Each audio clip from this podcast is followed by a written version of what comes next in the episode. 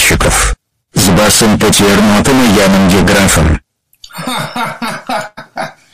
Wat de fuck is dit? Is dit, is dit die Lada die je hebt gekocht? Dat heb je heel goed. Nou, niet mijn eigen Lada gelukkig, want hij botst op het eind. Maar vind je dit geen leuke begintune voor uh, ons programma, onze podcast?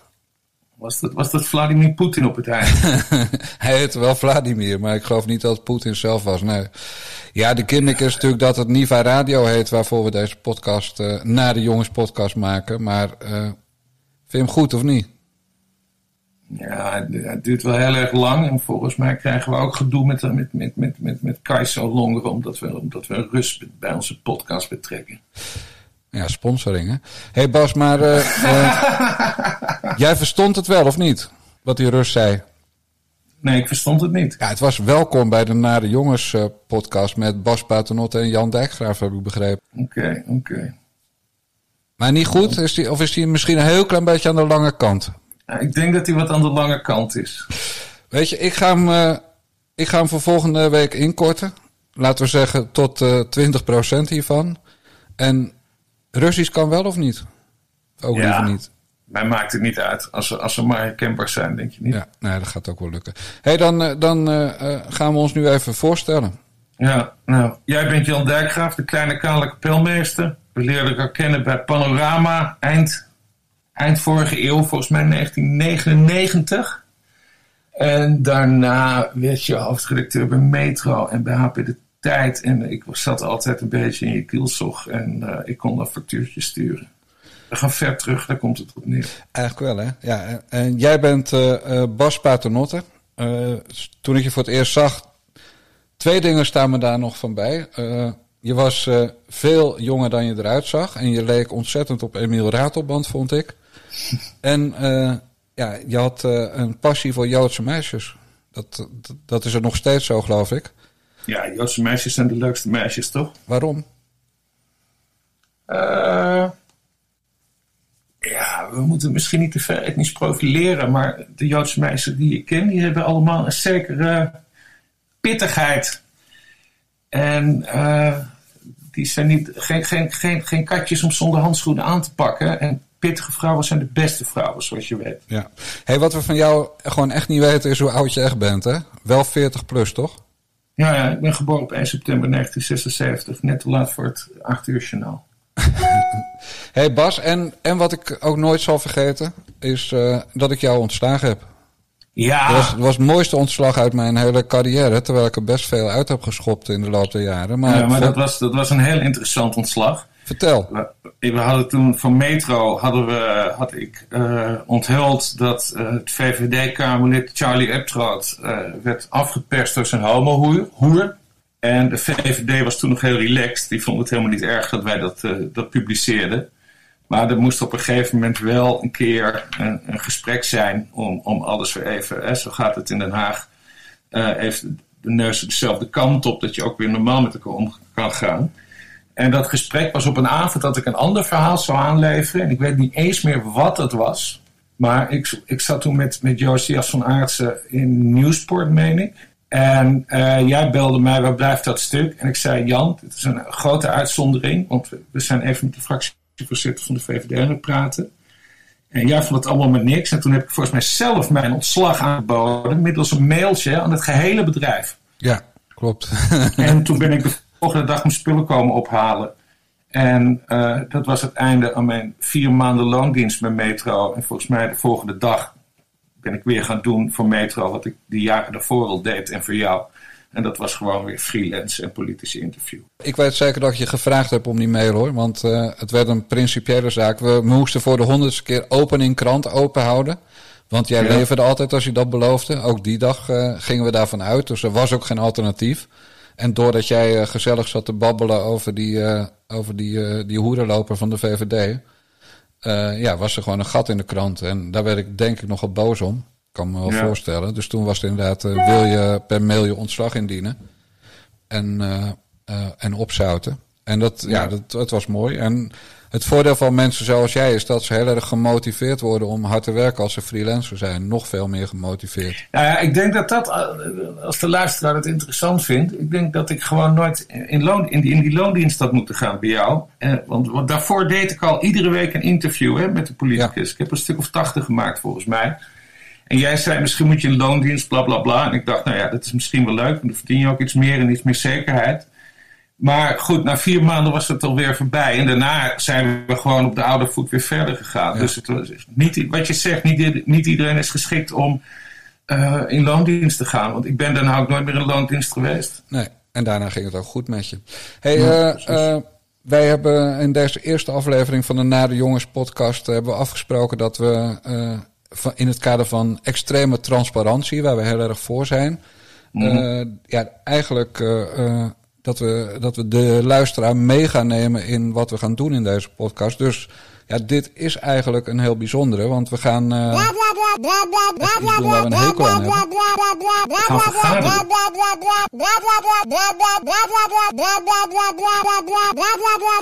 Ja, we gaan vergaderen. En uh, de luisteraar mag meegenieten. We gaan uh, met elkaar doornemen wat we, ja, wat we gaan doen.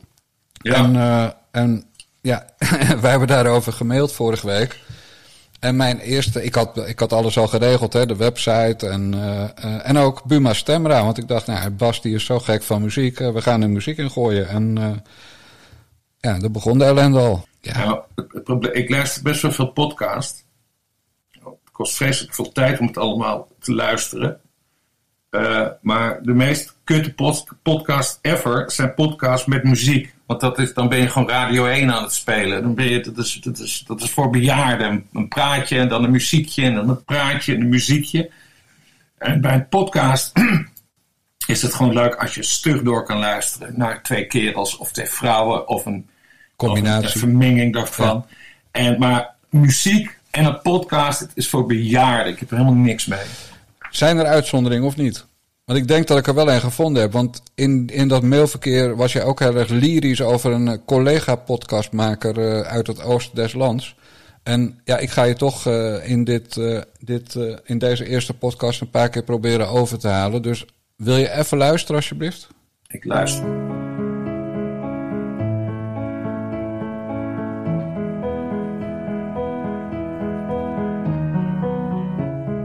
Zing nog steeds mee met liedjes van Ken je die gast of niet? Tot de buurman klaar. Even, even luisteren. Jij je nog steeds. is heel gevoelig, hè? Weet ik veel. Boeien. Dit, dit is, dit is Jaap Reesema. Dat is de beroemde vriend van Sander Schimmelplanning. Die samen ook een podcast maken. De Zelfs podcast. Ik ken hem wel. Ja, ik ken hem weer als de man van Kim Kutter. Meneer Kutter. Ja, ze hebben net een kindje gekregen. Nummer drie, weer een zoon. Dat is wel knap van die jongen. Ja. Ik vind... Maar goed. Die Reesema, die is echt beroemd trouwens. Hè? Die is in België ook. Ja, een hit. Die is een hit. Die heeft een hit in België. Daar luisteren we nu naar, Bas. Ja, maar goed, kijk, dat is het voordeel van die Zelfs podcast. Daarom ken ik het nummer niet, omdat ze daar geen muziek draaien. Nee. Ik weet wel wie die Reesema Jij bent even lang trouwens, hè, als zonder schimmelplanning. Nee, daar ben ik het niet mee eens. Ik ben 2 centimeter langer op mijn paspoort en 1 centimeter langer in het echt. Uh, ik ben 1,78 volgens mijn paspoort en hij is 1,76. Uh, maar ik ben denk ik wel groter geschapen.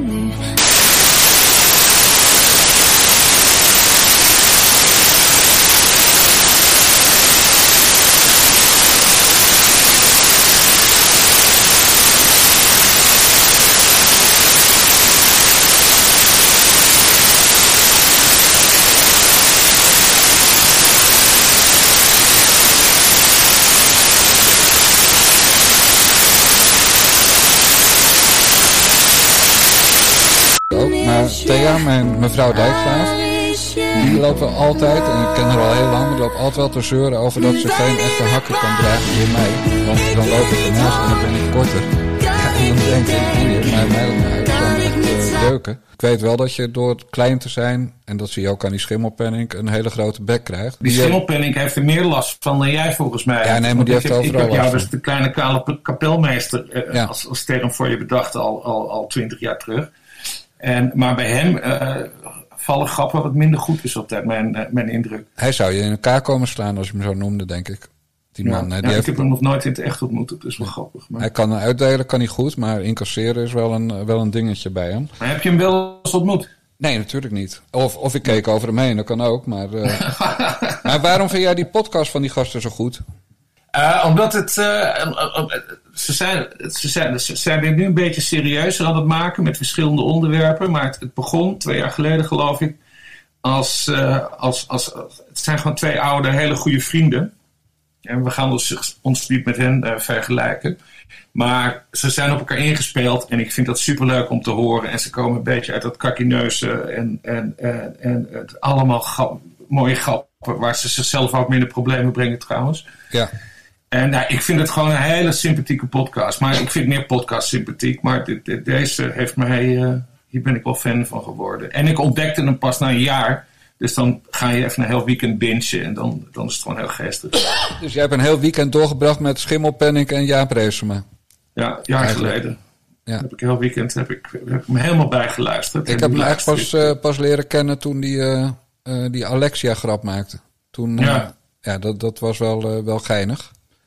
Ja. En toen had ik het woord op. Hij is geen pedofiel, hè, want het is geen meisje van zes. Maar toen had ik het woord opgezocht, ik weet het niet meer uit mijn hoofd, wat, wat dus geldt voor oudere mannen die op meisjes van zeg maar de latere tienerleeftijd hebben. En toen werd hij heel, ging hij weer helemaal over de pis omdat ik een pedofiel genoemd zou hebben. Terwijl ik juist ja. zei dat hij dat niet was. Maar kijk, dat soort jongens, ja, dat ze geen incasseringsvermogen hebben, dan moet je eigenlijk gewoon ook niet uitdelen. Als je hij uitdeelt, is, hij moet is je. Heel, hij is heel erg gevoelig voor kritiek, valt mij op. Ja. En ze zijn nu ook bezig met een soort uh, actie tegen de mediacourant. Uh, ze, ze, willen weten wie de. Dat heet volgens mij doxen. Ze willen weten wie de, wie de eigenaar is en wie er precies achter zit. Terwijl die jongen, hij is natuurlijk door de wol geverfd. Hij komt bij Quote vandaan. Hij heeft, uh, hij heeft bij op één gepresenteerd. Je moet dan, en dat weet jij ook als hoofdredacteur. Hè, want je hebt, je hebt ook stunts uitgehaald en dingen gezegd. Je moet dan een, een beetje dikke huid krijgen en gewoon niet overal op ingaan. En dat, ja. dat ligt die, die race maar volgens mij beter dan, dan schimmelpen. Ja, maar die race maar wordt ook niet zo vaak afgezeken. Dat scheelt wel. Ja. Nou ja, hij wordt door, uh, door schimmelpennik afgezeken. Want hij was vroeger dik geloof ik en had heel veel frieten. Oh ja. ja. ja. ja hey, maar goed, uh, we gaan dus geen muziek doen, begrijp ik. Uh, wat mij betreft niet. Dat nee. is echt, misschien, kijk, je, je kan ook zelf andere podcasts maken. En dan, en dan ga je, want jij bent van ABBA geloof ik. En dan, en dan ga je voor een, een soort bejaardendoelgroep. Kun jij dan een aparte podcast maken over, over ABBA en, en andere... Ja. Ja, van die lui van nee, 30 jaar terug. Dat ga ik ook zeker doen hoor. Want ik bedoel, één podcast is geen podcast tenslotte. Dus uh, uh, dat Niva Radio wat, we, wat wij hebben opgericht, zeg maar als, als hobbyprojectje. Ja, dat moet natuurlijk wel groot worden. Want wij houden wel van massa. Ik bedoel... Uh, ja, we zijn niet voor niks weg bij HP de tijd, toch? Nee, precies. Maar ja, wat zijn de logische thema's, Bas? Politiek natuurlijk, heel veel. Wat nog meer? Ja, wat, wat doen wij? Uh, politiek, media. Ja, entertainment toch ook wel? Toch en, dat, we, dat we Gordon... Entertainment, uh, dat, dat ben jij iets meer. Ja. Maar ik, ik kan wel altijd genieten van een mooie ruzie tussen jou en Gordon. Ja, Gordon en ik worden geen vrienden. En dat, ja, ik weet ook niet of psoriasis en zo besmettelijk is. Maar sowieso hoeft dat voor mij ook niet hoor. Vrienden met Gordon worden. Uh, hij zei trouwens laatst wel iets moois. Dan hebben we het weer over die mediacourant. Uh, Gordon die is tegen uh, anonieme commentaren. Zoiets was het. Ja. En dat weet je van mij. Als vervent twitteraar. Dat ik die commentaren dat interesseert me trouwens nooit zoveel. Maar anonieme twitteraars daar, daar krijg ik altijd jeuk van. Die moet dus echt verbieden. Dus in dat opzicht voelde ik voor het eerst in mijn hele bestaan een keer mee met Gordon Heukerot. Ja, het, kijk, het is jammer dat het, of jammer, het is, het is natuurlijk zo dat, uh, dat we het niet echt willen. Uh, omdat we ook voor de privacy zijn, tenminste ik wel. Maar op zich ben ik dat ook zat hoor. Iedereen, kijk, op Twitter heeft zich wel uitgekristalliseerd. Je hebt anoniempjes. Ja. Uh, dat, of dat zijn mensen die roepen, ja, ik kan vanwege mijn werk kan ik niet onder eigen naam. Dus dat zijn zeg maar de lovebackjes die zeggen: Mijn uh, inkomen. Ik heb wel een grote back, maar ik durf niet onder eigen naam. En dan heb je natuurlijk al die trollen met een korte naam en dan vijf cijfers erachter met drie volgers die in 2010 een account hebben opgericht of opgezet. Ja, ik, ben, ik was een fervent blokker omdat uh, Mute nog niet bestond uh, een paar jaar geleden. Maar ik heb begin dit jaar alles wat ik had geblokt, en dat waren er 6000, heb ik ontblokt. En nu doe ik alleen nog maar mute, want dan, dan merken die losers niet meer dat je toch niet meer leest wat ze zeggen. Ja, uh, mute is mijn lievelings, ja, absoluut. Ik ben het er wel helemaal mee eens hoor, dat uh, die anonieme rukkertjes, uh, die brengen echt niks positiefs. Ook niet als ze het met je eens zijn, want dan, ik had bijvoorbeeld van de week een briefje aan Frits Wester. En dan begint, dus Frits Wester ging in mijn ogen gigantisch in de fout met het lijsttrekkersdebat. En dan gaat er altijd, gaat er altijd weer tien van die anonieme rukketjes op Twitter gaan roepen. Hij was zeker weer bezopen. En dan gaan ze altijd over zijn alcoholprobleem beginnen. Ja. En dan haal je jezelf zo naar beneden. Want Wester hoeft alleen maar te zeggen, dat heeft hier niks mee te maken. Maar, terwijl je, dus je staat met 20-0 voor als je gewoon goede argumenten hebt en goed hebt uitgezocht wat hij fout heeft gedaan, in dit geval met die koes mevrouw. Uh, en, en er komt er zo, komen er een paar van die anonieme rukkertjes die dan gaan, gaan roepen: uh, Frits was weer bezopen, Frits zuipt te veel, Frits moet weer naar de kliniek. Nee, allemaal dat soort dingen. Ja, dan wordt het dus gewoon 2021, terwijl dat zo onnodig is. En dat ja. zijn nooit mensen die dat onder eigen naam doen. Dat, nee. dat is waar. De, de, de, enige, enige legitieme reden om, om anoniem te gaan twitteren is als je echt nieuws wil, uh, als, als klokkenleider of zo aan de slag wilt gaan en, en dingen wilt vertellen die niet herleidbaar zijn naar jou. Of uh, uh, je moet, weet ik veel, activist zijn in Iran. Dat lijkt me ook heel verstandig ja, om, Iran, om, om anoniem te twitteren. Als, dat, als er überhaupt Twitter is in Iran, dat weet ik helemaal niet. Maar verder is het allemaal Yankee Boe van. Het is love. Wat je zegt, het, het zijn loveback, het is lovehead. Ja. Dood die gasten. Ja. Daar hebben we de, de afkorting VED voor uitgevonden. Val eens dood. En dan, oh, dan zeg je dat tegen die mensen.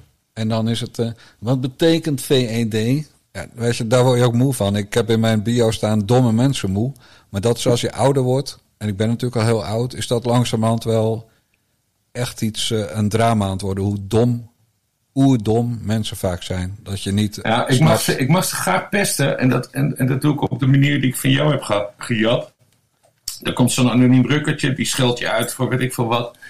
En dan retweet ik hem eh, of haar. En dan, en dan zet ik hem boven. En die heb ik dus van jou. Zeg het ze. Of ja is ook zo. Ja, ja precies. En daarna zet ik ze op mute. En ja, nee, daar kunnen ze heel slecht tegen. Want het liefste wat ze natuurlijk willen is dat je wel reageert. Ja, en dat, uh, dat moet je dus vooral niet doen. Nee, dat klopt. En gelijk geven van mensen die... Uh, ja, dat, dat slaat natuurlijk de discussie dood. Dus dat is hartstikke goed. We gaan even wat rubriekjes uh, bespreken. Want ja, wij zijn natuurlijk oude tijdschriftjongens. Dus dan denk je in rubriekjes. Ja. en niet in we lullen twee uur vol en, en we zien het wel. Ik, ik las iets heel engs, Bas. Jij wilde dat we gingen bellen elke week met iemand. Een schrijver of een columnist of een zanger of een wetenschapper of een politicus of een journalist. Ja, Waarom in godsnaam? Ik, ik, dacht gewoon een beetje, uh, een beetje inhoud eraan geven. Uh, Wij zijn de inhoud. Ja, ja, ja. Dan gaan we dat bellen. Waar, dat is waar, maar het is, soms, het is soms goed om je ook, ook uh, ja, hoe zeg je dat? Misschien zelfs extern te laten adviseren. Oh, ja, maar dat doen die gasten van, uh, van de Zelfspodcast. Ja, dat zit ik me nu net te bedenken. Dat heet ongevraagd advies. We gaan toch niet jatten van hun? Nou ja, dat moet je dan een beetje produceren. Uh, dan bel je iemand en dan zeg je, nou, je, je, mag, je hebt drie minuten en spreek maar wat in. Ik vind dat eigenlijk helemaal geen gek idee om te doen. En wie moet dat doen? Want hou jij van bellen dan? Nee, nou, absoluut niet. Nee, ik haat het. Dus je gaat toch niet... Kijk, als je nou gaat bellen, als, als er nou echt, echt moet dan heb ik liever dat we het in die categorie uh, zeg het ze gaan, uh, gaan, gaan zoeken. Hoe dan? nou.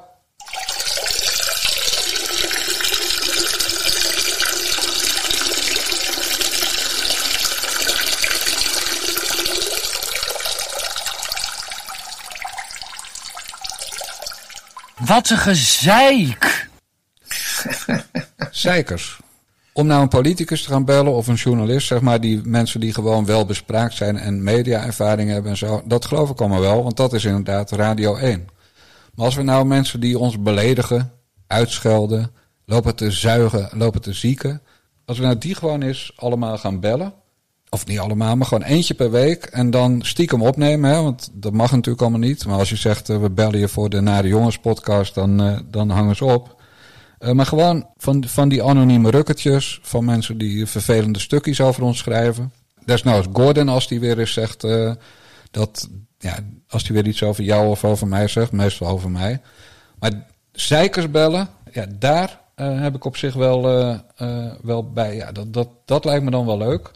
Ja, en dan gewoon, gewoon pesten. Weet je wel, lekker. Net als vroeger, pesten. Zuigen, zeiken. En want weet je wat er gebeurt als je iemand belt die, die jou vreselijk loopt zwart te maken op Twitter of waar dan ook? Die kruipen allemaal terug zodra, ze, zodra je ze aan de lijn hebt. Dan was het niet zo bedoeld. Dan was het in een kwaaie bui. Dan hadden ze misschien wat te veel gedronken. Altijd een kutsmoes. Omdat, je ze, omdat ze weten dat je, ze, dat je ze gevonden hebt. Dat je ze kan bereiken. En eigenlijk dus uh, terug kan pakken. Ja, dan, dan kruipen ze bijna allemaal in hun schulp. Dus ik werd... Uh, zal ik anders gewoon een voorbeeld uh, noemen? Doe maar een voorbeeld, want ik ben nu wel benieuwd hoe, je, hoe, je, ja, hoe we ik, dit kunnen aanpakken. Ik heb dus ook elke dag een toetje hè, voor mijn privé-donateurs, zeg maar. Dus dat is een stukje exclusief voor donateurs. En ik had zondag, even kijken, ja, zondagavond ging hij over Huub Bellenmakers. Dat is die, uh, voor mij heeft hij ook voor de voorloper van TPO nog af en toe een stukje geschreven. Maar die had een. Ja, nee, Bellenmakers die heeft voor. Uh, die zat bij het begin van TPO. Hij is later stratege geworden voor GroenLinks. Ja, die. Ja, nou goed, en, die, die had die is een, laatst in de fout gegaan. Ja, die had een tweet. Uh, uh, Forum voor Democratie had zo'n zo'n meeting in Nijmegen. Nijmegen is ook nogal aardig getroffen in de oorlog. En toen had hij een foto van een NSB-bijeenkomst in, in Nijmegen. Of een SS-bijeenkomst, weet ik veel. Maar in heel veel hakenkruizen. Had ja. hij een foto getwitterd en had, ja, had eigenlijk gezegd dat Forum bezig was met een, een nazi-manifestatie.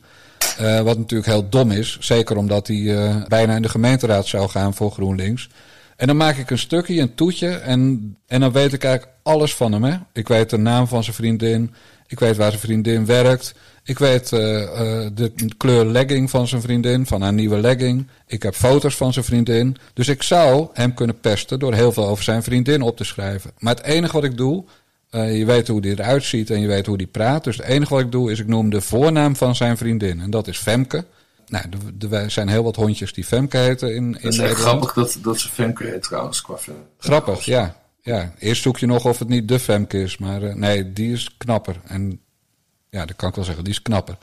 Maar in elk geval, ik vind het noemen van iemands voornaam dus geen doxing, zoals ze dat noemen. Van dat je iemand uh, vindbaar maakt en zijn privéadres en zijn telefoonnummer openbaar maakt. Ik noem alleen maar de voornaam. En wat doet die klootzak dan? Dan gaat hij een tweet maken met dat je mijn uiterlijk en mijn spraakgebrek erbij had. Oké. Maar dat je mijn vriendin erbij sleept, uh, nou, iets van uh, dat kan echt niet of dat is laag. En dan krijg je dus Hans Laroes-achtige figuren. Chris Klomp is denk ik even op, uh, op psychische vakantie. Maar dat soort gasten krijg je dan meteen op Twitter achter je aan. En die, die hebben natuurlijk helemaal niet gelezen wat ik in dat toetje schrijf, want die zijn geen donateur. Alleen de voornaam, verder geen foto's, nee, verder geen, geen achtergrondinformatie. Ja. ja, dus dat is gewoon niks. Dat is helemaal niks. Nee. En, en doordat hij dan zo'n tweet stuurt met dat je mijn vriendin erbij haalt, dat suggereert natuurlijk naar die vriendjes van hem, uh, suggereert dat iets heel ergs. En er is gewoon niks ergs. En dan, dan krijg je al dat tuig. Nou, dus ik denk, als we zo'n rubriek hebben met dat zeiken, ja, dan denk ik, dan ga ik Huub Bellenmakers bellen. En, en hoe klinkt dat dan? Uh, ja, dat is een probleem met hem. Luister. Goedemiddag, ik ben uh, Huub. En toen ik klein was, vond ik een paar dingen leuk en een paar dingen minder leuk. Ik vond het leuk om in de bossen uh, en in slootjes te rommelen. Um, dat vond ik leuk. Ik vond het, uh, um, ik vind, ik vond het gemeen als sommige kinderen uh, geen geld hadden om een leuk cadeautje te krijgen van hun ouders. En ik vond het ook heel stom als kinderen gepest werden omdat ze anders waren. Nou, dat vond ik toen ik klein was. en dat vind ik eigenlijk nog steeds. Ik moet, in Nederland moeten we voor elkaar zorgen. En, dat betekent dus gewoon dat arme mensen, die moeten meer geld krijgen. Heel simpel. Want het is idioot als er uh, mensen zijn die een uh, doktersrekening niet, niet, kunnen betalen. Of, in, uh, of dat er mensen zijn die naar de voedselbank moeten. Als jij een hoofddoekje wilt dragen, moet je dat vooral doen. Als jij een petje wilt dragen, moet je dat vooral kunnen doen. Ja, zo dus Bas. En dan denk ik altijd aan wat de wijsgeer Bob Dijkgraaf zegt, mijn jongste zoon. Niet naar beneden trappen, ouwe. Dus nee, je hoort deze... Dit is trouwens een verschrikkelijk fragment van Bellenmakers. Dit is een soort, soort kinderlijk Ja, weet je wat dit, waar dit... Uh, Kinderlijk socialisme, van uh, arme mensen moeten meer geld hebben. je weet, ik ken, ik ken heel veel SP'ers, die zouden nooit zo'n toespraak houden. Nee, dit was een toespraak voor jongeren op een soort verkiezingsbijeenkomst van GroenLinks. Of in elk geval waar die, een bijeenkomst waar die namens GroenLinks was. En, de, en hij moest 2 uur, 2 minuten 54 vol lullen. Nou, dat, dat was dus dit soort tekst. Ja, dat, dan denk ik echt van, als ik nou Huub Bellenmakers ga bellen en ik neem dat stiekem op en ik zend het uit. Weet je wat er dan gebeurt?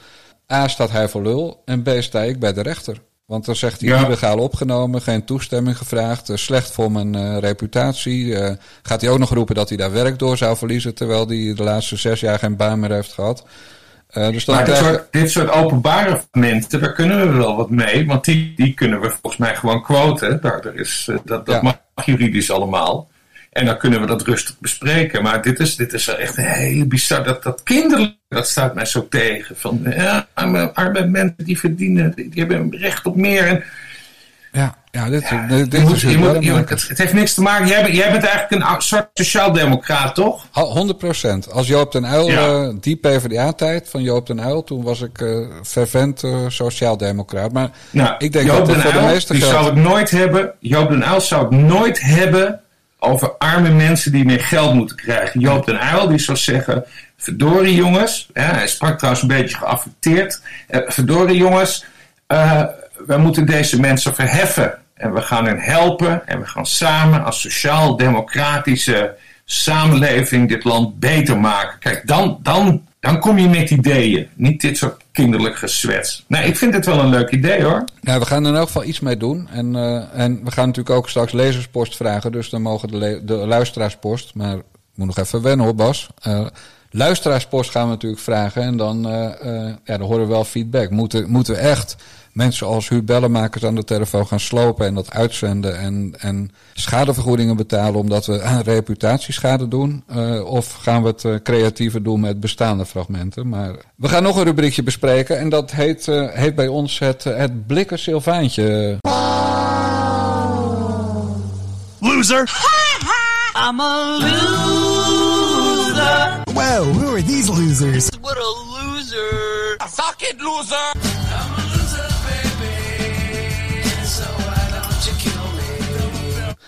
Ja, Bas, het, het blikken Sylvaantje, dat is natuurlijk een, een, een, prijs die je niet wil winnen voor uh, de loser van de week. Heb jij er al over nagedacht? Heb je iemand? Nou, dat nieuws dat kwam vanmiddag middels het paleis. Het paleis deelde mee, het paleis deelt mede, een heel persbericht, dat prinses Alexia, dat is dus die tweede prinses. Ja, die van Schimmelpenning. Uh, nou ja, precies.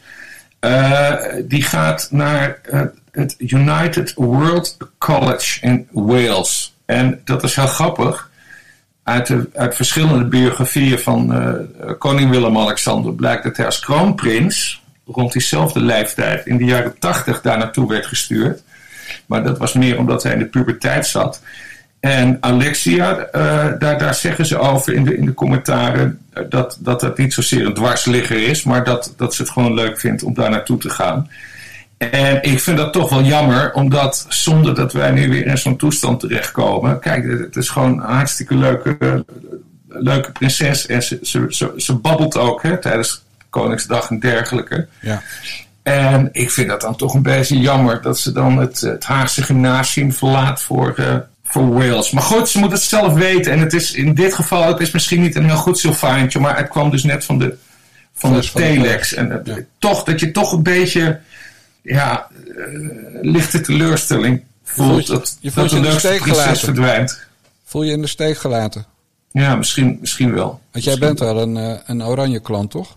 Nee, nee, nee, nee. nee. Nee? Ik, heb, ik, heb, ik heb respect voor het instituut. Niet zozeer respect voor, uh, voor de mensen. Maar die meisjes die kunnen er helemaal niks aan doen. Maar nee, maar het viel mij, het viel mij gewoon op. Geen, ik, zal, ik zal volgende keer een betere bedenken. Maar toch, dat, heel even die lichte teleurstelling. Ja, oké. Ik heb wel een goeie, eh, vind ik zelf. Mhm. Frank de Boer. De bondscoach. Van Barcelona, toch? Nee, ja, vroeger. Eh, Daarna heeft hij, is, heeft hij nog bij heel veel clubs gefaald als trainer. Maar goed, die is nu bondscoach. Kijk, vorige week, er komen verkiezingen aan. Dus al die politici roepen nu opeens... eh, we moeten niet, het, het Nederlands voetbalelftal moet niet naar het WK in Qatar... als Ja. ze geplaatst worden. En dat denken ze dan mee te scoren, hè, van, van Segers tot weet ik wie allemaal. Hadden ze natuurlijk drie jaar geleden moeten doen... toen het eh, WK aan Qatar werd toegewezen. Maar het is zo makkelijk om nu te roepen van Virgil van Dijk en die Wijnaldum, die, hebben, die willen niet bij Johan Derksen in voetbal, eh, of Veronica in site zitten vanwege die grap doen over Aquasi.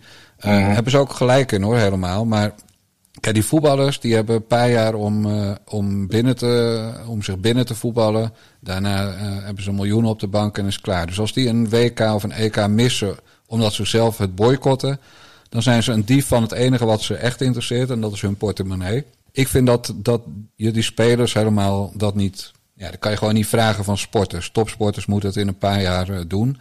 Maar Frank de Boer als bondscoach, die zou zich wel een keer goed kunnen uitspreken over. We zouden eigenlijk niet naar dat voetbaltoernooi in Qatar moeten. Maar waarom doet de boer dat niet? Nou, omdat de boer geen kilo boter, maar een hele wagen vol met boter op zijn hoofd heeft. Want? Nou, die heeft daar ook nog gevoetbald. Dus het is niet Oh. alleen dat de boer daar als trainer eh, van het Nederlands elftal straks heen hoopt te gaan, maar hij heeft er ook gevoetbald. En nog erger, zijn broer, eh, Ronald, die heeft er ook gevoetbald, maar die was ook de PR-man die eh, dit toernooi moest binnenslepen voor Qatar. Dus die heeft zich weer voor heel veel geld laten inhuren door, door eh, de voetbalbond of door die staat. Ze zijn dus in zekere zin zakelijk, al- althans in het verleden, maar misschien ook wel loyaal, verbonden aan Qatar. Is Ja. dat wat je zegt? Ja, eigenlijk wel. In elk geval hebben ze totaal geen principes. En iedereen die in zo'n land gaat voetballen, doet dat maar echt om één reden. En dat is voor de poen, want er komt geen hond kijken. En het is Eh, bloedheet. Ja, het is ook niet lekker voetballen. Dat is ook, ook een ding. Maar de, de familie De Boer, die was dus, eh, eh, heeft daar gevoetbald. Was voor de helft eh, PR-man van de organisatie van het WK. En, en eentje gaat nu als, eh, als bondscoach, hoopt hij. Eh, en de ander die zal ongetwijfeld als deskundige ook invliegen als het allemaal weer mag qua lockdown. Eh, dus ik vind Nou, dat dit, je... wordt dan, dit wordt dan even een sportminuutje. En daar weet jij meer van dan ik, want jij bent oud-sportverslaggever en ik niet. Dit, dit gaat over voetbalpolitiek en dit gaat dan ook over de KNVB. Zeker. Ja, maar kijk, die, eh, daar geldt hetzelfde voor. Maar ik vind dat je. Kijk, je kan de ballenjongen van het Nederlandse elftal kan je verwijten dat hij naar Qatar gaat. Maar laten we gewoon de baas van het Nederlandse elftal, laten we die gewoon verwijten dat hij naar Qatar wil. Eh, en, en dan al die verhalen over, ja, maar we gaan daar, eh, eh, we gaan daar wel protesteren. Nou, dat gaan ze echt niet doen. En die 6500 eh, gastarbeiders die dood zijn gegaan tijdens de bouw van die voetbalstadions. Nou, het zal ze echt compleet jeuken. En als ik eerlijk ben, Bas, ik lig er ook geen seconde wakker van tot nu toe. Terwijl ik het al een week weet dat er 6500 mensen dood zijn. Maar ik heb gewoon goed geslapen de afgelopen dagen. Jij ook, toch? Ja. Ja, dus, ja, dus- ik heb sowieso weinig met voetbal, maar ik ben wel altijd voor het, voor het nationaal elftal. ja. Maar de spelers, vind jij, die, die, die, die hoeven we niks te, die kunnen we of hoeven we niks te verwijten? Nee, ik vind dat hier de, de bond, dus de KNVB en de bondscoach, als die nou gewoon een goed signaal afgeven en zeggen van, eh, ja, wij zouden eigenlijk niet moeten gaan. En, en op het moment dat ze een enquête onder de Nederlandse bevolking houden, zegt de meerderheid echt dat ze moeten gaan hoor. Scheid aan eh Gert-Jan Segers en al die andere populisten die nu even willen scoren. Het volk wil gewoon brood en spelen. Dus als er gevoetbald wordt in Qatar, dan wil het volk dat het Nederlandse elftal erbij is. Dus dit is ook geen serieuze discussie op het moment. Dat, dat, dat hele voetbal gaat gewoon door. Ja, en dat gaat Nederland zeker doet door. mee. Ja, dat gaat zeker door. En, eh, en dat, dat, ja, dat is een geldkwestie. En het is ook niet zo dat, dat zeg maar, die, die, eh, die gasten in die jurken in Qatar, dat die het nou allemaal doen. Het zijn natuurlijk wel gewoon westerse, eh, westerse bedrijven en westerse eh, bonden.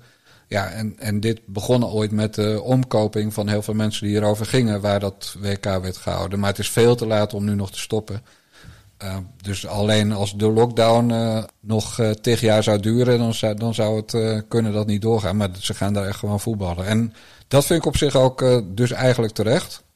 Want je moet, je moet je als sport niet laten misbruiken door de Gert-Jan, Segersen van deze wereld. Maar als er een signaal zou moeten worden afgegeven, in elk geval een, een afkeurend signaal, dan zou het dus wat mij betreft van Frank de Boer kunnen komen. Dus ja, ik vind dat Alexia deze, deze uh, blikken, uh, wat was het? Ja, het blikken Sylvaantje niet mag winnen. En Nee. heb ik je overtuigd of moet ik je nog drie minuten plat lullen? Nee, ik zit, ik, ik, ik zit er, ik zit er, ik zit er even, even over na te denken. Want ik vind die de, de boertjes, want het is een tweeling. Ik vind ze altijd zo geestig en ik vind ze altijd zo sympathiek overkomen. Maar al deze banden met Qatar, ja, nee, dat, eh, dat, dat wist ik niet. Dus het lijkt me wel dat dit de juiste keuze is. En dat we de, de lieve prinses Alexia haar gang laten gaan. En onze pijlen inderdaad terecht nu richten op de bondscoach. Frank de Boer, ja. Dat hij lekker een blik, eh, blikken Sylvaan tegen zijn harsers krijgen van ons. Maar we moeten niet alleen negatief worden. Dus eh, we hebben ook, eh, wat mij betreft, een rubriekje eigenlijk met het tegenovergestelde. En dan dacht ik aan. eh, aan maar eh, we moeten natuurlijk niet alleen maar afzeiken, want dat is zo cliché. Dus we, we moeten ook het tegengestelde doen. En naast het blikken Sylvaantje gaan we, wat mij betreft, ook de gouden bikkel eh, uitreiken.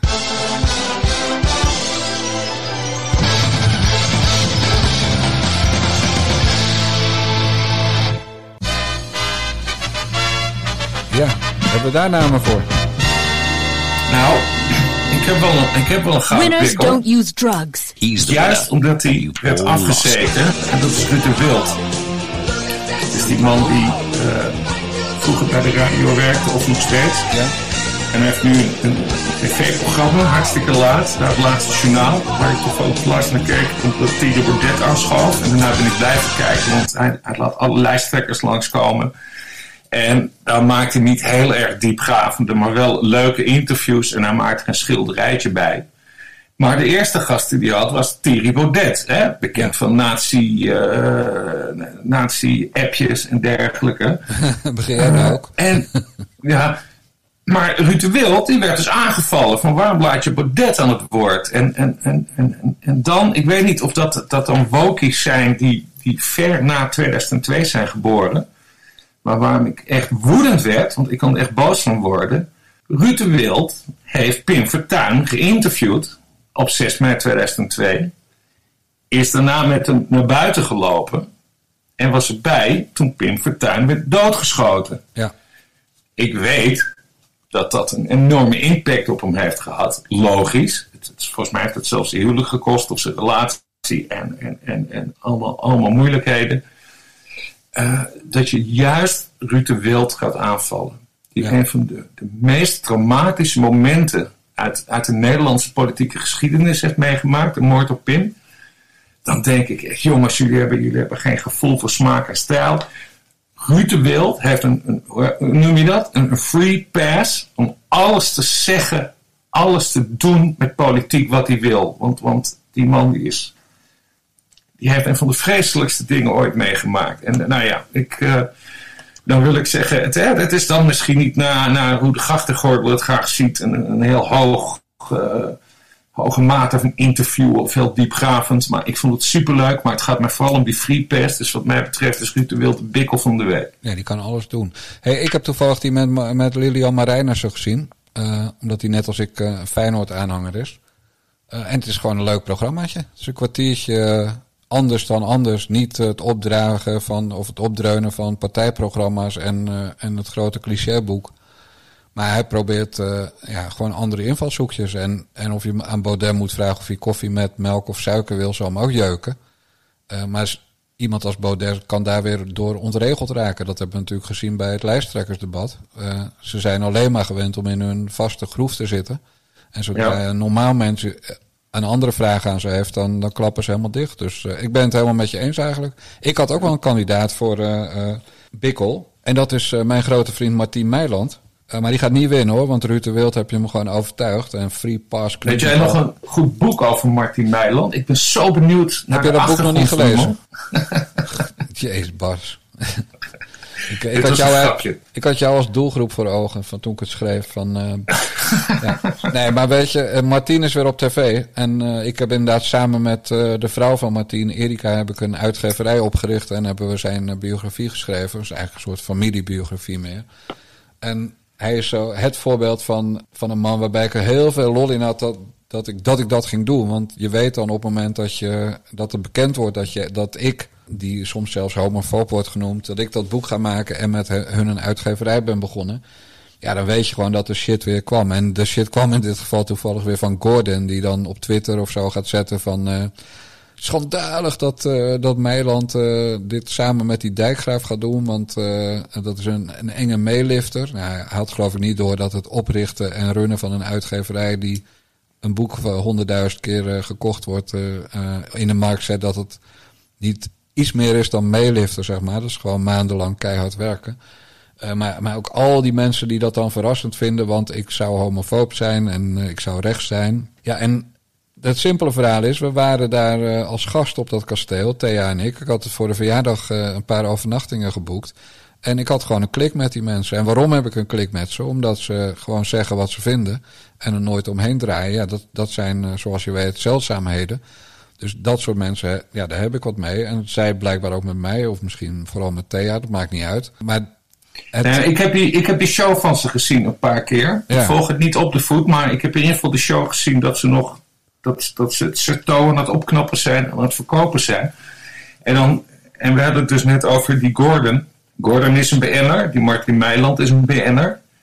Als ik dan moet kiezen, dan vind ik zo'n Martin Meiland duizend keer interessanter dan zo'n Gordon. En ik weet niet waar het mee te maken heeft, maar ik denk dat, kijk, die Meiland die speelt volgens mij ook wel een soort toneelstukje hoor. Dat is, dat is niet 100%. Maar zo'n Gordon, daar, daarvan weet je, dat is altijd 100% een toneelstukje. Die probeert uh, altijd zijn eigen nieuws in, uh, in te steken.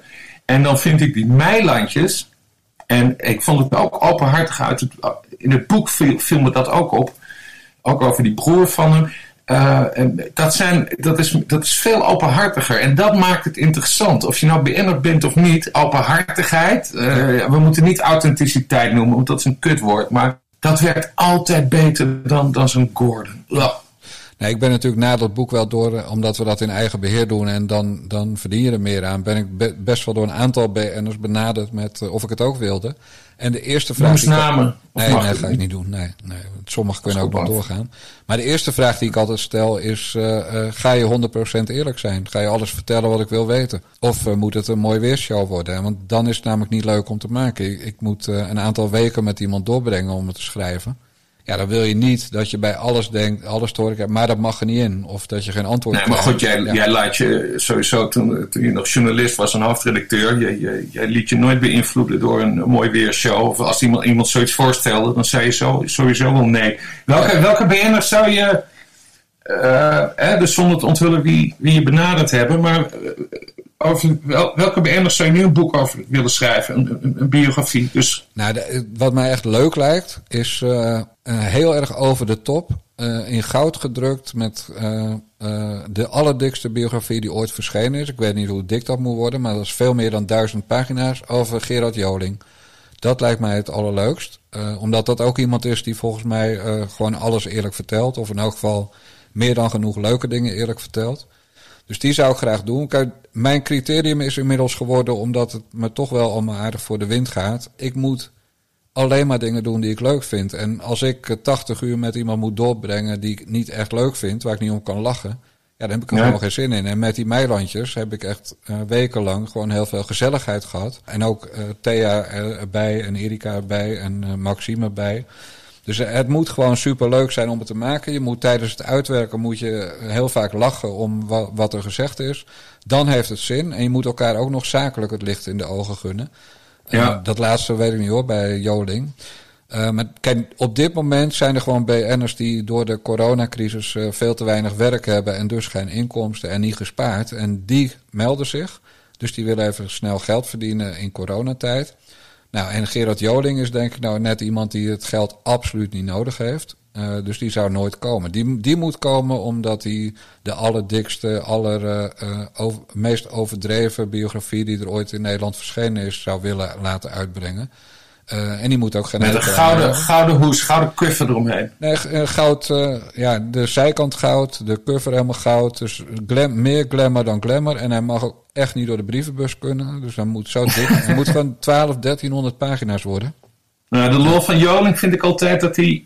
Maar dat is dan vanuit mijn achtergrond, omdat ik zoveel over politiek schrijf, is dat hij zo politiek betrokken is. Ja. Hij heeft een keer in, uh, in Des dat was volgens mij na de moord op, op Fortuyn, heeft hij op een LPF-bijeenkomst een, een, eigen, eigen, eigen lied gecomponeerd. En dat op de vleugel in uh, Des Ende, het bekende hotel, In, eh, in Den Haag eh, heeft hij, heeft hij gespeeld. En hij houdt een, houdt een weblog bij. En, en volgens mij twittert hij ook politieke statements.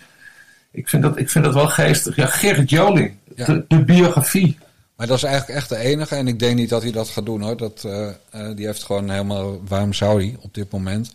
Maar dat is de enige waarvan ik denk, ja, als die komt, eh, eh, dan, eh, dan, dan doe ik het meteen. En verder loopt er nog een van wie ik de naam nog niet bekend kan maken, die eind dit jaar of begin volgend jaar verschijnt. Dus waar ik wel een deal mee heb dat ik het ga doen. Maar ja, dat mag ik gewoon niet zeggen. Dus ook niet tegen jou. En zeker niet omdat we dit naar de jongenspodcastje uit gaan zenden. En als Ja. ik het tegen jou vertel, weet iedereen het. Maar er komt er dus in elk geval nog eentje aan van mij. Eh, en verder ben ik gek genoeg steeds meer richting uitgeven aan het gaan en minder schrijven. Eh, dus ja, dat, dat bevalt ook wel goed. Want ik kon het ook allemaal niet. Maar je leert, eh, je leert en je moet natuurlijk ook mensen inschakelen die je helpen hè, daarbij. Ja. En, en dan werkt dat. Maar weet je, we hebben nu inderdaad rubriekjes behandeld. We, we gaan die eh, naar de jongens podcast niet volgooien met rubriekjes. We moeten gewoon nu wel even naar de, naar de hoofdmoot. Ja. En dat, dat is natuurlijk toch gewoon op dit moment, vlak voor de verkiezingen, ja, moet dat eigenlijk wel over politiek gaan. Ja.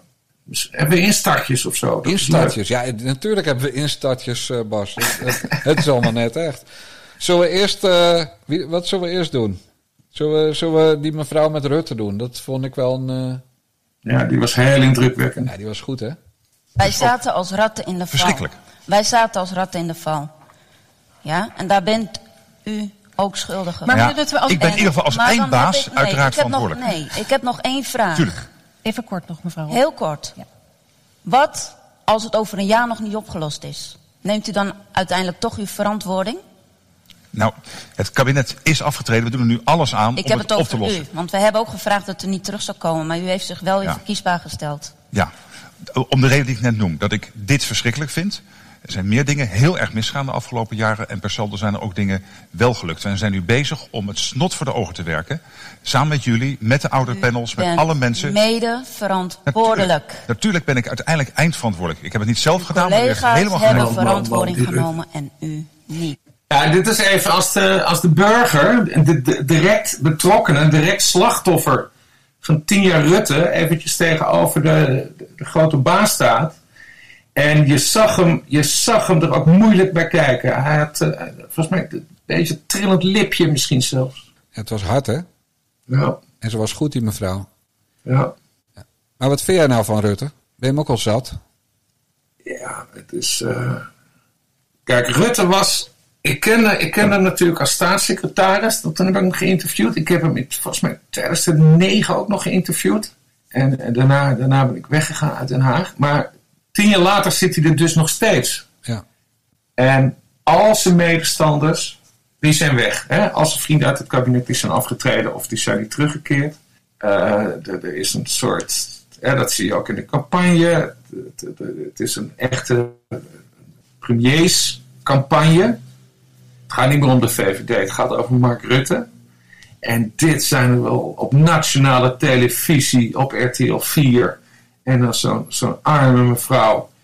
Ja, dan komen er wel basjes in de, in de, in de, in de, in de teflonlaag. Ja. Het was, het was prachtige tv, hè? Want er waren mensen die zeiden van die burgers is gewoon een slecht onderdeel. Maar volgens mij was het gewoon het absolute hoogtepunt van het lijsttrekkersdebat. Ja, ik, vond, ik, vind, ik vind burgers altijd een slecht onderdeel. Omdat, omdat ja, dat is geen dédain voor de burger, maar om, eh, ja, ik veel. Het, het, is, het is heel risky, omdat er ook enorme wappies tussen kunnen zitten. Ja. Maar deze mevrouw, die was, die was ijzersterk. En, en het hele land, nou ja, ik weet niet, keek 1,7 miljoen mensen, dus niet het hele land.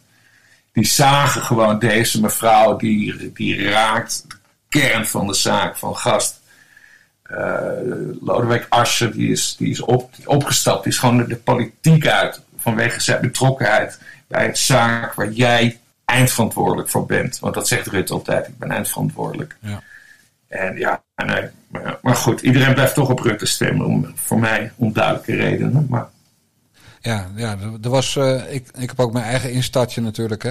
niet lukken in deze paar minuten. Dus ik zou eigenlijk heel graag meneer Wilders willen uitnodigen tijdens een kopje thee en een lekkere couscous. Om hier wel even op door te gaan. Want u Neemt u komt er elke keer aan? heel mooi tussenuit en tussendoor. Maar ik zou echt wel heel graag hierover nog Ik wat... wil altijd, als ik de couscous mag laten schieten, dan wil ik heel graag een Volgens keer... mij is wat het een heerlijk. dat Mist eten, ja. maar dat maakt niet uit. Ik wil jullie allebei heel hartelijk danken voor dit gesprek. u. Dank je wel.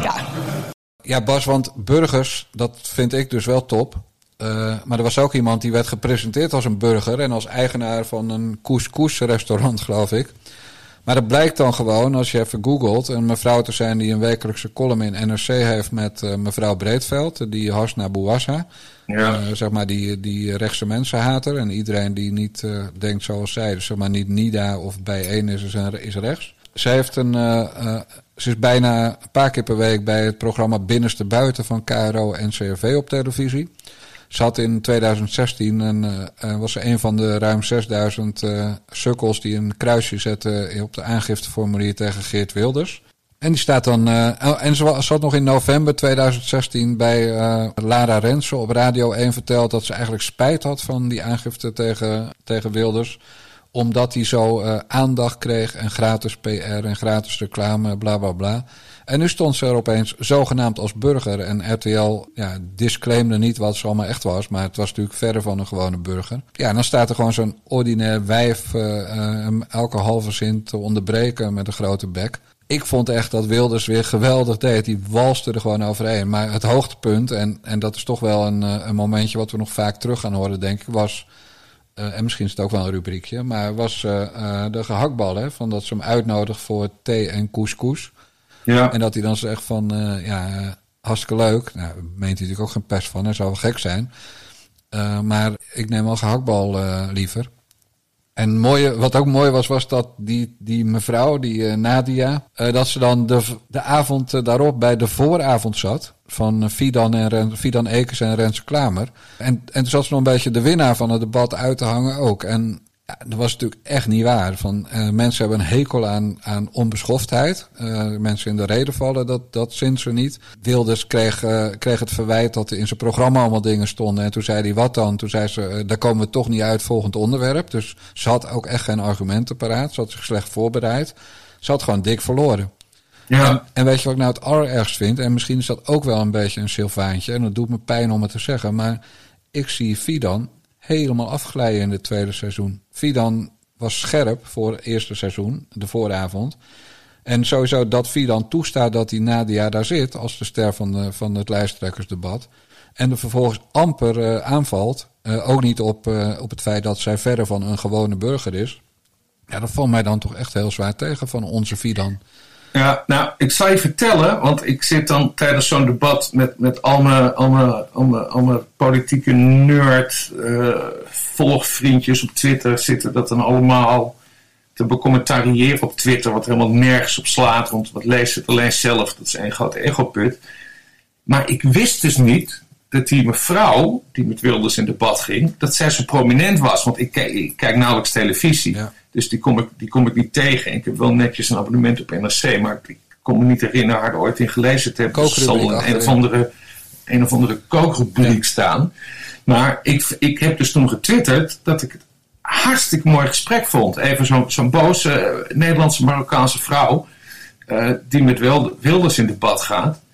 Maar na de hand, dat was dus de dag erna, en dat moest ik lezen in jouw column, briefje van Jan. Toen begreep ik pas dat zij gewoon helemaal media-savvy is. Zij is een bekende van, van talkshows en, en, en te Hilversum en, en ga maar door.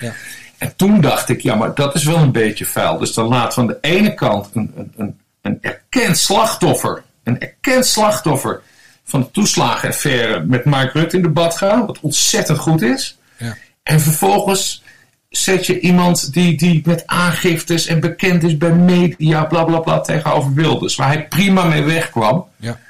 En ik, ik vond het alleen flauw voor die couscous, want wij eten ook thuis ook wel eens couscous. En ik vind couscous, couscous prima en ik vind de gehaktbal eh, vind ik, vind ik ook prima.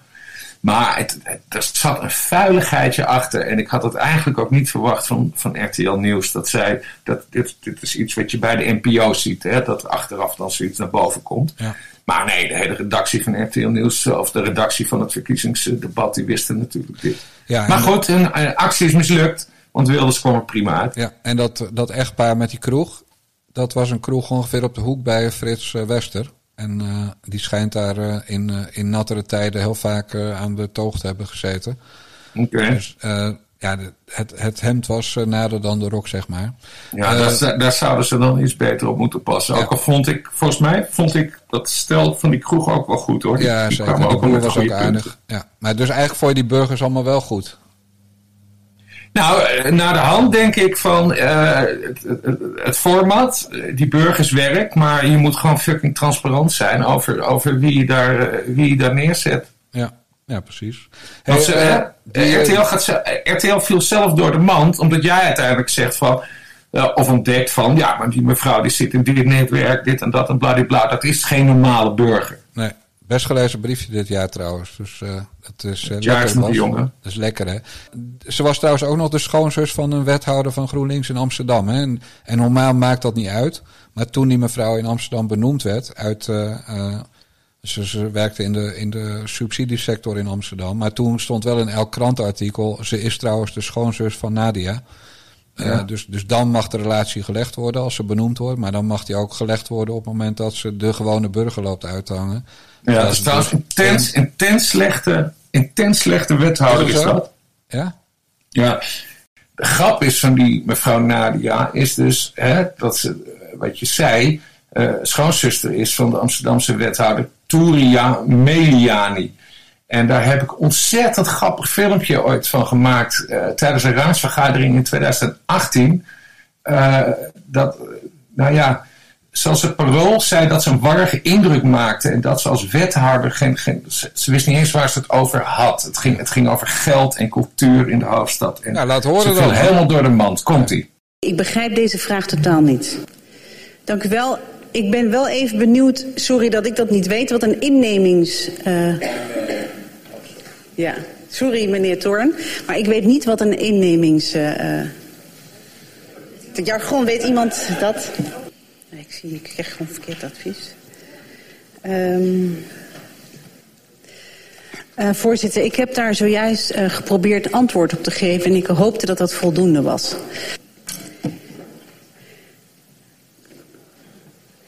Eh, ik kan toezeggen, eh, eh, ik kan deze niet- goed overzien wat het precies is. Bas, het is, het is wel erg met die lui van GroenLinks. Want we hadden natuurlijk van de week ook nog eh, deze. Hè? Als Ronald Koeman deze zomer alleen maar witte jongens wil opstellen, weet ik één ding zeker: worden we absoluut geen Europees kampioen. Zelfs jij weet het, Bas, of niet? Nee, maar nee, nee, weer voetbal. Ik vind het wel grappig hoor. Dat we, we, gaan het dus. Wordt een We gaan het nu misschien ook wel iedere week over voetbal hebben. Alsjeblieft. maar dit was een blunder hè, van Klaver. Ja, totaal blunder. Lekker, totaal wel. blunder. Ik snap ook niet hoe dat kan. Het is, Ik want hij nog- bijna alles wat hij heeft gezegd, dat was overduidelijk van tevoren bedacht. En dan vergis je je in de, in de, in de bondscoach. Dat is een beetje, beetje raar. En het, wat zegt het over je oprechtheid? Hè? Want hij presenteert zichzelf ook als voetballer met zijn wijkteampje of weet ik veel. Ja, ja ik, eh, ik, we moeten het toch nog even over die Klaver hebben. Want ik werd getriggerd door, eh, door mensen die zeiden van... eh, maar hij was toch enig kind? En eh, dat had hij altijd beweerd. En dat was natuurlijk ook zo, want zijn moeder had één kind, dat was hij. Maar zijn vader had er nog een stel, ik geloof vier. En, en hij eh, in dit lijsttrekkersdebat, dat, dat zie je opeens, eh, zeg maar, de, de wandelwagen van Wouter Bos, de kinderwagen. Dat trucje doen ze, elke verkiezingen doen wel een paar dat, dat ze hun familie erbij halen. Dus Sigrid Kaag vertelde opeens dat haar kinderen tijdens de lockdown in, in geldnood zitten. Dan zeg ik trouwens, verkoop een van je vier panden die je hebt in, op de Ja, ze zit goed in het vastgoed Precies, ja, buitenland. gewoon één huisje weg als je kind. Je, je hoort volgens mij je kinderen in haar situatie gewoon lekker vet te sponsoren. Eh, Die hebben toch al geen leven met die ouders die altijd weg zijn. Maar goed, Klaver. Ik werd getriggerd door, eh, doordat hij opeens zijn zus had gebeld. En dat gooide hij in het lijsttrekkersdebat erin. Normaal bellen ze altijd een niet bestaand blond meisje. Maar nu had hij zijn zus gebeld en die is arts. En toen ben ik even gaan, gaan googlen. Want dat vind ik altijd leuk op de vroege ochtend als iedereen nog slaapt. En toen kwam ik een Volkskrant verhaal tegen met een, over een soort demonstratie in, eh, in een stad ergens in Marokko. En daar werd een, eh, een, Nederland, een, een Roosendaalse Marokkaan eh, geïnterviewd die daar op vakantie was. En die vertelde in dat Volkskrant verhaal dat hij de broer was van Jesse Klaver. En dat was volgens mij toen had de Volkskrant een scoop zonder dat ze er een scoop van hebben gemaakt. Dat stond gewoon verstopt in een artikel. Maar toen ik die achternaam helemaal had, dacht ik, ja, weet je, ik ga even googlen op die familienaam van Klaver. En dan zijn we weer terug op Huub Bellema, Bellemakers. Ik heb hem nog niet opgeschreven, die naam. Maar ik ging googlen en dan kom je natuurlijk inderdaad die arts tegen, die, die, die vrouw, wie er voornaam met een O begint. En die uh, in Antwerpen in het ziekenhuis heeft gewerkt en inmiddels in Nederland in een ziekenhuis werkt. Een, dus een basisarts die, die ik dacht op de longafdeling op dit moment werkt. Maar dan ga je even verder kijken en dan is de vraag van die naam, het, het was een, uiteraard een Marokkaanse naam of een Arabische naam. En dan denk je, is dat nou net zoiets als bij ons Jansen en, en Bakker? Dus een naam die heel veel voorkomt, of is het juist een naam die niet zoveel voorkomt?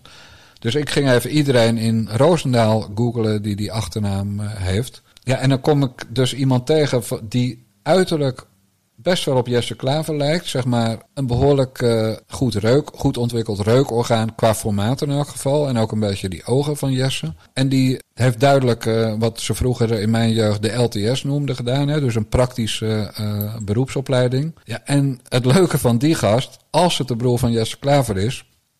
is dat hij op Facebook reclame loopt te maken voor NIDA. Dus niet voor zijn broertje en GroenLinks, maar voor fucking NIDA. Wat toch bepaald geen frisse partij is in mijn ogen. Dus als het waar is, dan is de halfbroer van Jesse Klaver reclame op een Facebookpagina die trouwens vol staat met uh, toespraken van imams in Roosendaal. Allemaal gast, uh, gasttrainers, zeg maar. Uh, ja, ik, ik vind dat toch wel grappig dat, ja, eerst heeft hij geen broers en zussen, nu heeft hij ze en één is arts en die voert hij dan op. En daar is hij natuurlijk trots op, hè, dat hij allemaal dingen vindt in coronatijd. Maar dat broertje, als het een broertje is, die is dus gewoon fucking NIDA-aanhanger. En daar ja. horen we Jesse niet over. Ja, ik vind dat soort details. Ik bedoel, hij kan er niks aan doen. En het is ook allemaal niet belangrijk misschien.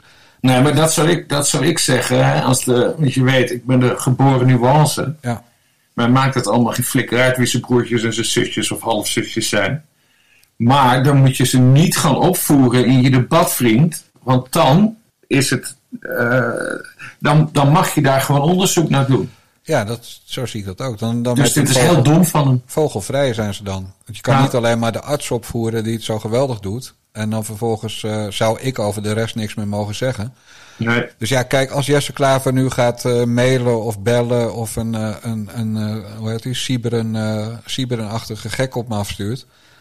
Uh, Koistra, hoe heet die? die, die ja, oh daar gaan we ook nog een keer een aflevering over maar, maken. Maar als hij dat doet en ik zit ernaast, ja, dan ga ik gewoon zeggen: Sorry, uh, ik heb ook alle voorbehouden gemaakt. Ik weet niet zeker of zijn broer is. Ik weet wel dat hij dezelfde achternaam heeft als zijn, zijn broer die in de Volkskrant stond en als zijn zus die arts is.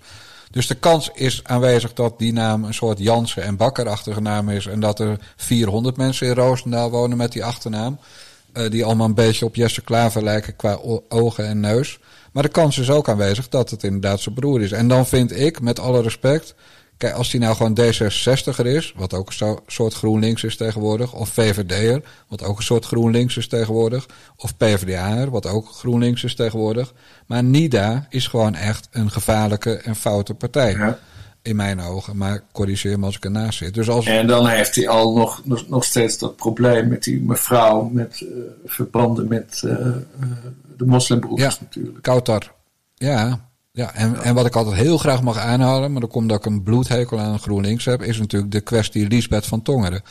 Die, uh, die een persvoorlichter had die een stagiaire aanrandde, die vervolgens wethouder werd in Den Haag. En een van haar eerste acties, zeer tegen de wil van uh, overige leden van het college in Den Haag, heb ik inmiddels van uh, een zekere auteur van mijn uitgeverij gehoord.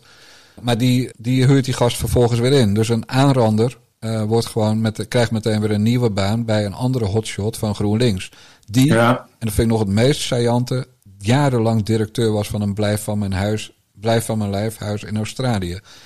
Uh, dus ja, dan ben je wel heel erg fout. Ja, en aan de andere ja, kant. Maar GroenLinks, dat zijn altijd zo. Hè? De hypocrisie is groot daar. Ze mogen graag vingerwapperen. Ja. En ze mogen graag hè, op, op de moral high horse klimmen. Maar ja, daarna donderen ze weer met paard en al in het, in het ravijn van, uh, van hypocrisie. Eh, wat we dus hebben gezien inderdaad met die, eh, met die, met die meneer die werd weggepromoveerd nadat hij een stagiair had aangerand. Ja. Ja, hey Bas, jij wilde dit kort houden deze podcast, maar voor we afsluiten, heb jij, het is misschien wel aardig om dat er van jou te vragen, weet jij wie er gaan aftreden op 17 maart of vlak daarna? Welke lijsttrekkers zien we niet meer terug?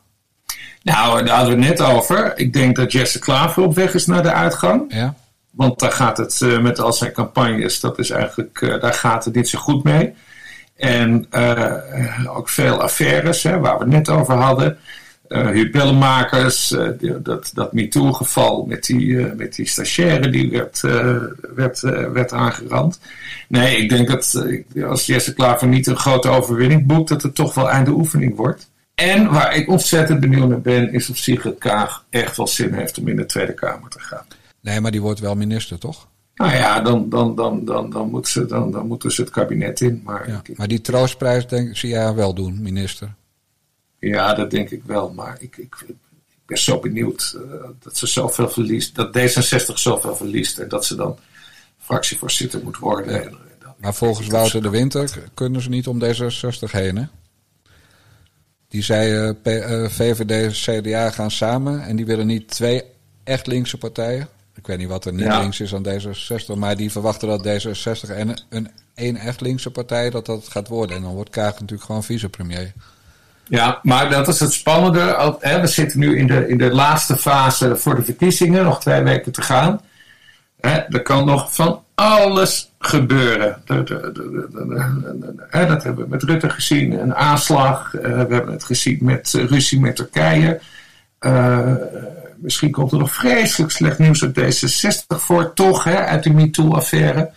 Ik, ik vind het de laatste fase van de verkiezingen altijd levensgevaarlijk om voorspellingen te doen. Maar Jesse Klaver, als die, als die weer faalt, dan lijkt het me niet dat hij houdbaar is als, eh, als partijleider van GroenLinks. Nee, dan hebben we toch nog goed nieuws, zeg maar. Als die vergeet. hey, voor we afsluiten wil ik toch nog even één poging wagen. Want ja, het doet me gewoon pijn. Ik, ik heb honderden euro's aan Buma Stemra betaald. Terwijl heel Nederland allemaal illegale shit doet. En eh, ik, ga het gewoon, eh, ik ga het gewoon proberen, Bas.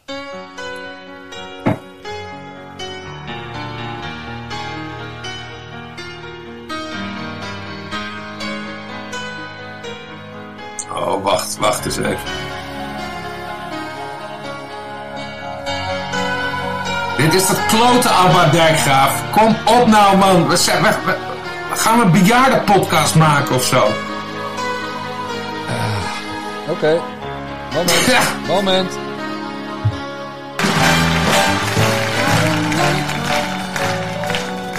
Greatest city in the whole world. Ja. Is dit beter? spreading The news.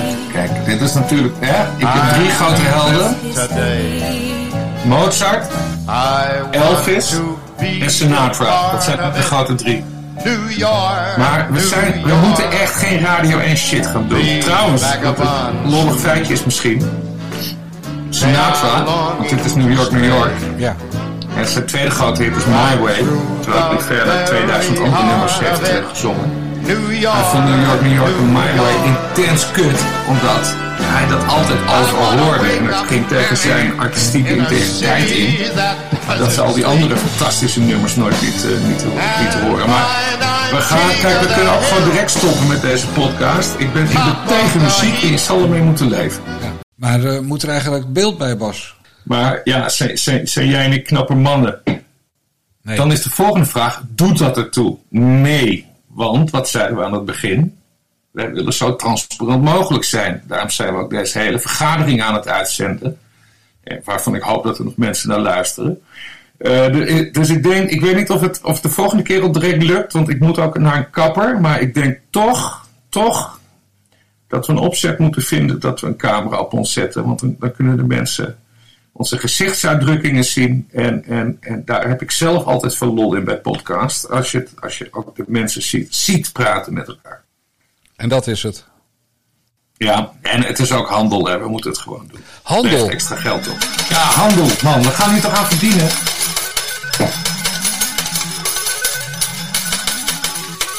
Ja, Dat gaan we zeker. En wij gaan geen advertenties doen en advertorials en sponsors. Dat vind ik echt allemaal gelul. Uh, we gaan gewoon het doneren systeem, donatiesysteem doen. Ik heb zelf een redelijk succes met uh, Back Me van uh, Ahmed Arad en Jantje Roos. Nee, nee, nee, Dijkgraaf. Nee, nee, nee, nee, nee. Ik wil niks met Jan Roos te maken hebben. Hoezo die niet? Die heeft tegenwoordig een YouTube-kanaal waar hij dingen aan het eten is. En ik heb hem in een pannetje zien kotsen. Hij is ook vreselijk dik geworden. En Jan Roos is een intens ordinaire man. En, en ik vind het prima. Maar, je hebt die show met hem gemaakt vroeger. Maar ik wil niks met Jan Roos te maken hebben. Gewoon niet. Jan Roos is een zeer creatieve man. Jan Roos is, uh, heeft geweldig veel humor en zelfspot. Ja, verder weet ik het ook niet. In een pannetje kotsen heeft niks te maken met creativiteit. Oké, okay, oké. Okay. Ja, ik zie zulke dingen allemaal niet. Ik, ik weet alleen nog vroeger dat hij een goede radio maakte. En uh, die, die roddelpraat van hem, daar kijk ik eigenlijk nooit naar. Want ik weet nu wel dat heel Nederland kook gebruikt en dat soort dingen. Dat geloof ik allemaal wel. Maar ik dacht meer aan het geld. Maar weet je, ik vind het ook wel sterk van jou dat je, dat je zegt dat, ja, principes. Ik wil niks met iemand te maken hebben. En hop, laat je gewoon uh, duizenden euro's aan donaties per maand laat je gewoon schieten. Nou, we hebben toch wel een alternatief. Wat dan? Ja, die bunk. Ja, we gaan een, ja. uh, een, een en-of Ik heb één en-of rekening in mijn leven gehad. Dat was met mevrouw Dijkgraaf. En wij gaan nu dan gewoon maar een en-of bij Bunk doen. Ja, doe je dat? Ik zie, ik zie nu ook de bevestiging op mijn telefoon binnenkomen. Dus het is al rond, zie je. Dat is mooi. We hebben een en-of rekening. Dus wij hebben nu samen een en-of rekening. en die komt nu bij je binnen. We zitten er dagen op te wachten al. Ja, maar ik kan echt, echt, terwijl we het erover hebben, ligt mijn iPhone op. En die verificatie die duurde dagenlang. En hij komt gewoon nu binnen. Dus jij hebt op oké gedrukt. Of ik. Nee, maar bij mij twee. staan ze nog al. Ik heb inmiddels drie van die dingen aangemaakt. En ze staan bij mij allemaal nog op in afwachting. Nou ja, als we het maar 50-50 doen en de mensen geld aan ons geven. Want dan kunnen we vaker dit soort gesprekken voeren. Ja. Ja, dan maak je het weer zo plat. Je maakt het weer zo plat, Bas. Ja, maar ik heb geen boek. Oh nee, dat is waar. Nee, maar weet je, het donatiesysteem is de bom. En dat vind ik echt. En dat zie je bij, uh, want je bent namelijk niet meer afhankelijk van hoofdredacteurtjes, van uitgevers, van mensen die zich bemoeien met de inhoud. Ik doe het nu twee jaar bijna met uh, Back Me en Bunk Me. En Back Me is dan, zijn dan mensen die elke maand uh, doneren en Bunk Me losse donaties. Ja. ja, en het is gewoon geweldig dat als jij iets, ik, het is een soort barometer van, ik schrijf een vervelend stukje over, over Forum of over Thierry Baudet. En dan, dat er dan die dag drie mensen heel boos afhaken als donateur. Dat is prima, hè? Ik bedoel, dat lok ik dan ook uit, want dat zijn dan fans van Baudet. Maar er zijn ook mensen die dan mail sturen met...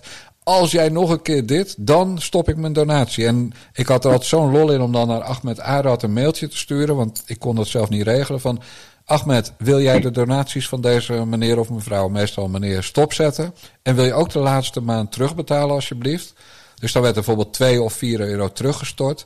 En dan kreeg ik de volgende dag een briefje met, of een mailtje, wij krijgen je toetje niet meer. En dan, dan zei ik, ja, dat klopt, want uh, ik heb je donatie stopgezet. Ik wil geen geld meer van jou. Nou, geld terugstorten is nog beter dan de biele twitteraars muten. Ja, ik, toch? Dit gaan wij ook toepassen hoor, ja. met dat bug. Daar had ik zo'n ongelofelijke lol in om, om geld terug te storten naar mensen. Geweldig, geweldig. Oké, okay, dus we hebben een bunkrekening. Nou, die staat uh, straks op de website. En dan kunnen mensen doneren als ze willen. Verder gaan we wat mij betreft nog een rubriekje doen, dat, en namelijk dit.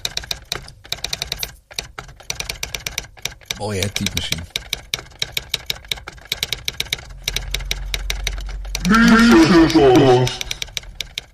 Ja, dat is dus lezerspost. Maar er moet zijn luisteraars, post, reacties van luisteraars. Ja, dat vind ik bij Bert en Roderick in de TPO-podcast gewoon een geweldig onderdeel. Dat ze even wat briefjes en mailtjes, of mailtjes zijn natuurlijk van mensen oplezen. Dus dat gaan wij ook doen, want dat is goed voor de band met de luisteraars. Weet je wel, een beetje interactief. En ook dat staat op de website, uh, hoe ze dat kunnen insturen. Want de website is al langer klaar dan deze podcast.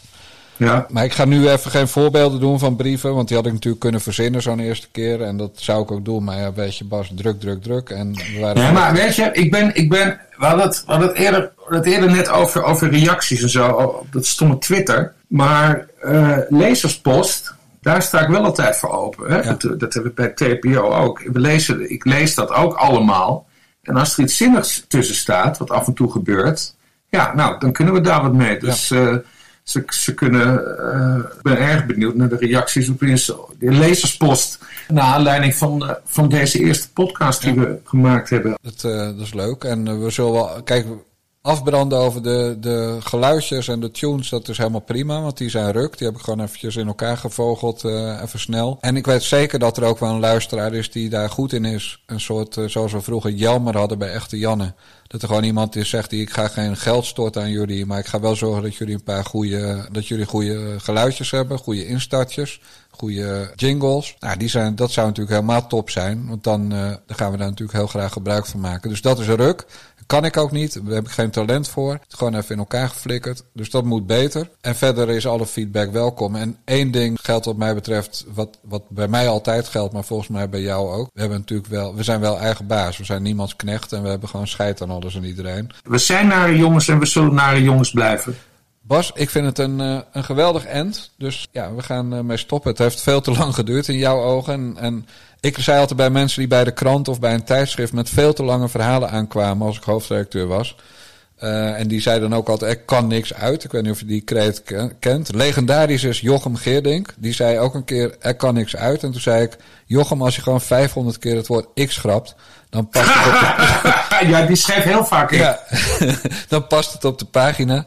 Uh, maar tegen mensen die, die zeiden, er kan niks uit, zei ik altijd, zet nou in de voorlaatste alinea van je verhaal kut, lul en neuken. En dan weet ik heel zeker dat we nul boze brieven krijgen. Want geen lezer haalt bij dit verhaal het end uh, van, jou, uh, van jouw artikel als we het zo lang laten. Ja, dat werkte altijd. Ze werden altijd boos op me, maar ik had wel gelijk. Je kan, dus wij kunnen nu ook gewoon kut, lul, neuken zeggen.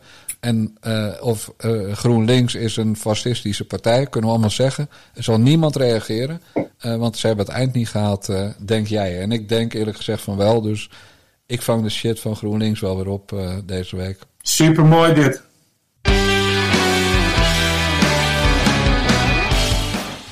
Dit was de eerste aflevering van de Nare Jongens podcast van Niva Radio. Onze website is nivaradio.nl. Doneren kan op bunk.me slash nivaradio. Heb je tips? Wil je toelichten waarom je meteen 52 euro doneert? Wil je ons overladen met complimenten? Ben je een topper met jingles? Of heb je gewoon wat te zeiken?